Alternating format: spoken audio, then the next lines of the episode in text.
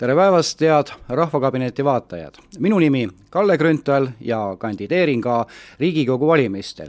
nii nagu minu selja taga olevat plakatilt näete, on minu kandidaadi number kuussada kolmteist. aga mida ma täna teile räägin? ma tahaks täna äh, teha huvitava kõrvalpõike ajalukku ja võrrelda ajaloos ton-, toimunud sündmusi tänapäevaga ja uskuge mind, siin on väga palju kattuvat. Ja muidugi siis liigun ma sujuvalt üle siis ka äh, äärmiselt aktuaalsele teemale, Nursipalu teemale, kuid mul on hoiatav sõnum, Nursipalu ei ole ainukene ohver. aga algusest peale. niisiis ajalugu. kui te vaatate Eesti Vabariigi ajalugu kolmekümnendatest aastatest peale, siis on võrreldes tänapäevaga absoluutselt huvitavad anomaaliad.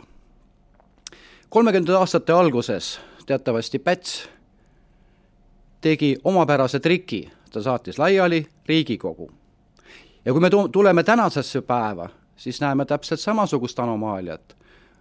Kaja Kallase valitsus läks lõhki Keskerakonnaga ja, ja Kaja Kallase valitsus ehk siis Reformierakonna valitsus valitses täiesti üksipäini rahulikult, olenemata sellest, et tegemist oli põhiseadusliku vastase olukorraga. järgmine näide.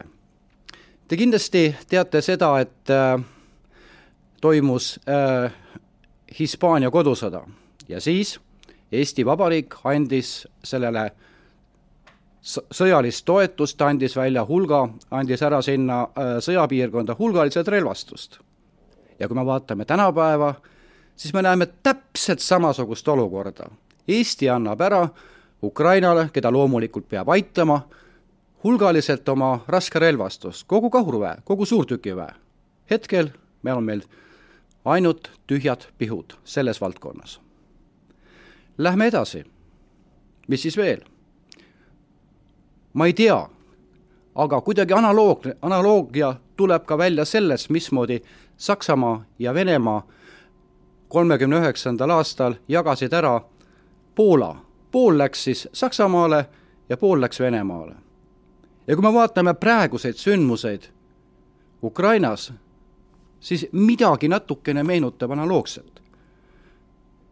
Venemaa on okupeerinud ära osa Ida-Ukrainast, tema käes on suurem osa Donbassist ja samas ajal Saksamaa agiteerib ja ka mõned lääneriigid veel, agiteerivad selleks, et nüüd peaks sõlmima rahu.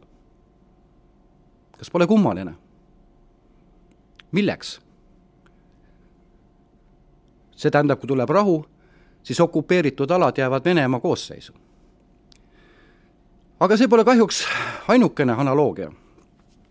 kindlasti mäletate ka seda, seda kurikuulsat Eesti Vabariigi ja NSV Liidu vahelist vastastikuse abistamise pakti, ehk siis nõnda, nõndanimetatud baaside lepingut, kus siis Eesti andis äh, osa oma territooriumist ära siis Nõukogude Venemaale ja Punaarmee üksused tulid siia erinevatesse baasidesse.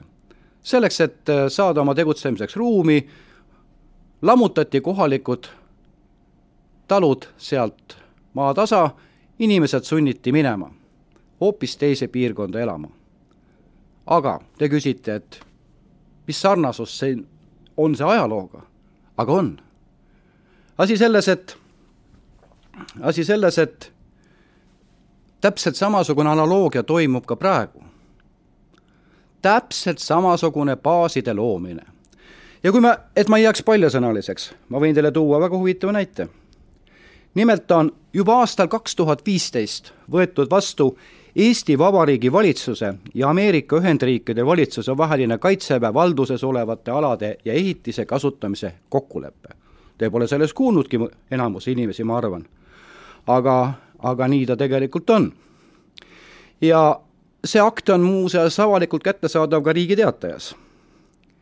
ja selle äh, lepinguga tunnistades et Ameerika Ühendriikide relvajõudude Eesti Vabariigi ter-, territooriumil kohalolekust saadavast vastastikust kasu umbes samamoodi nagu baaside leping siis ka Venemaaga, annab Eesti Vabariik käesoleva kokkuleppega seotud tegevusteks Ameerika Ühendriikide relvajõududele ja Ameerika Ühendriikide lepinglaste takistamatu juurdepääsu kasutuses olevate järgmistele ehitistele ja aladele.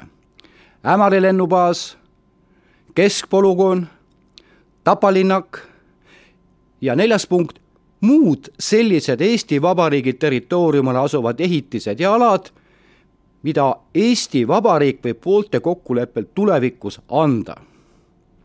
ja need alad antakse tegelikult veel tasuta kasutamiseks. ja nüüd te küsite, et noh, okei okay,, Eestit on vaja kaitsta, on küll vaja kaitsta, aga kas see on nüüd see eesmärk, kus inimesed aetakse kodunt välja.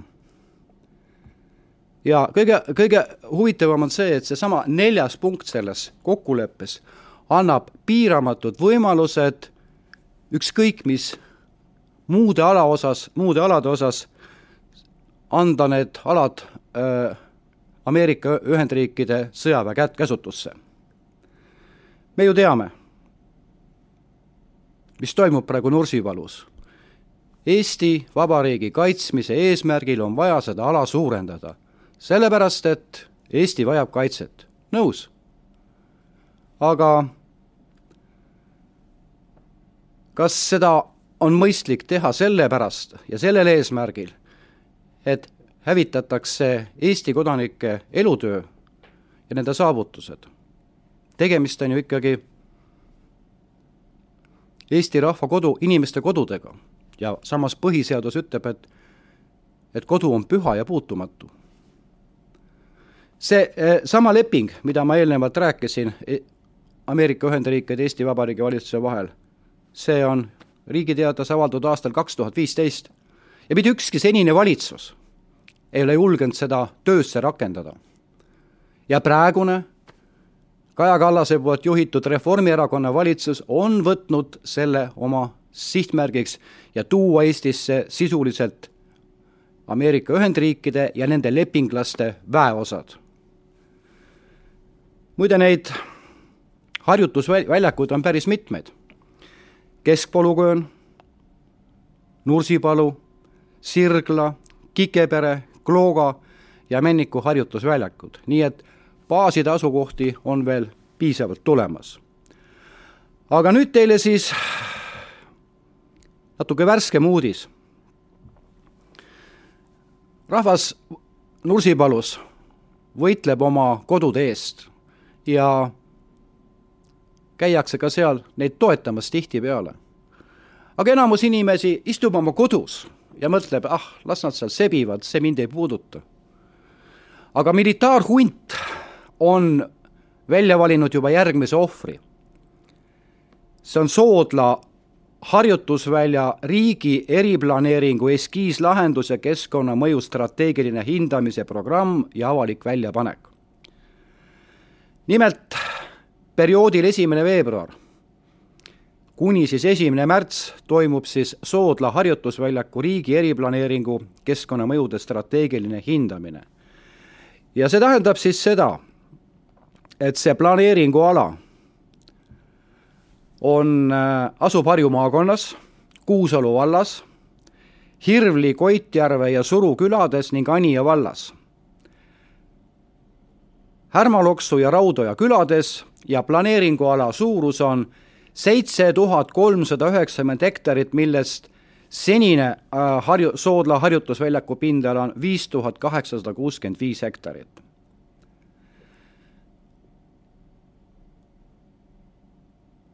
need samad selle kandi inimesed peavad olema valmiks samamoodi korjama oma kodinad kokku, jätma oma elutöö ja kõndima oma kodudest minema.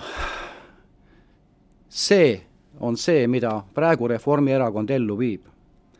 ja et ma ei jääks väga paljasõnaliseks, siis ütlen ka seda, et juba kahekümne esimesel märtsil peale valimisi kell kaheksateist null null toimub siis Kehra rahvamajas eriplaneeringu äh, arutelu kohalike elanikega ja järgmisel päeval Kuusalu rahvamajas ja püütakse teile selgeks teha, kui väga on vaja, et teie kodumaa muna pealt pühitakse. me oleme siiamaani saanud äh, oma harjutusväljakutega kenasti ilusti hakkama, aga Ühendriikide baaside ja nende lepinglaste siia tulek ja sõjaväe siia tulek võtab meilt koju, kodud, osal rahval. kas ja mis tuleb edasi? ajaloost ma ei taha praegu rääkida. ja ma ei teagi rääkida, sest ma ei taha olla selline ennustaja, kes räägib, mis võib tulla. aga siin on igal äh, rahvakabineti vaatajal omal mõttekoht. niikaua, kui me oleme popsid oma talu või koduõues ja meid ei huvita, mis naabriga juhtub, niikaua meiega tehaksegi täpselt seda, mida Reformierakonna valitsus tahab. koondudes kõik kokku ühiselt, nii nagu me olime vastu fosforiidile, kus rahvas tõusis kui üks mees ja tõi meile lõpuks vabaduse. ka nüüd, praegu on vaja tõusta, kõik koos ja kupatada see Reformierakonna valitsus minema. sest vastasel juhul ei ole me enam Eestimaal oma maa peremehed. valides mind Riigikokku, luban ma seista selle eest, et need protsessid peatuksid. aitäh mind kuulamast. tänan ka neid, kes kukuvad mind hiljem sõimama ja kritiseerima. aga mina rääkisin ainult tõtt. peatse kohtumiseni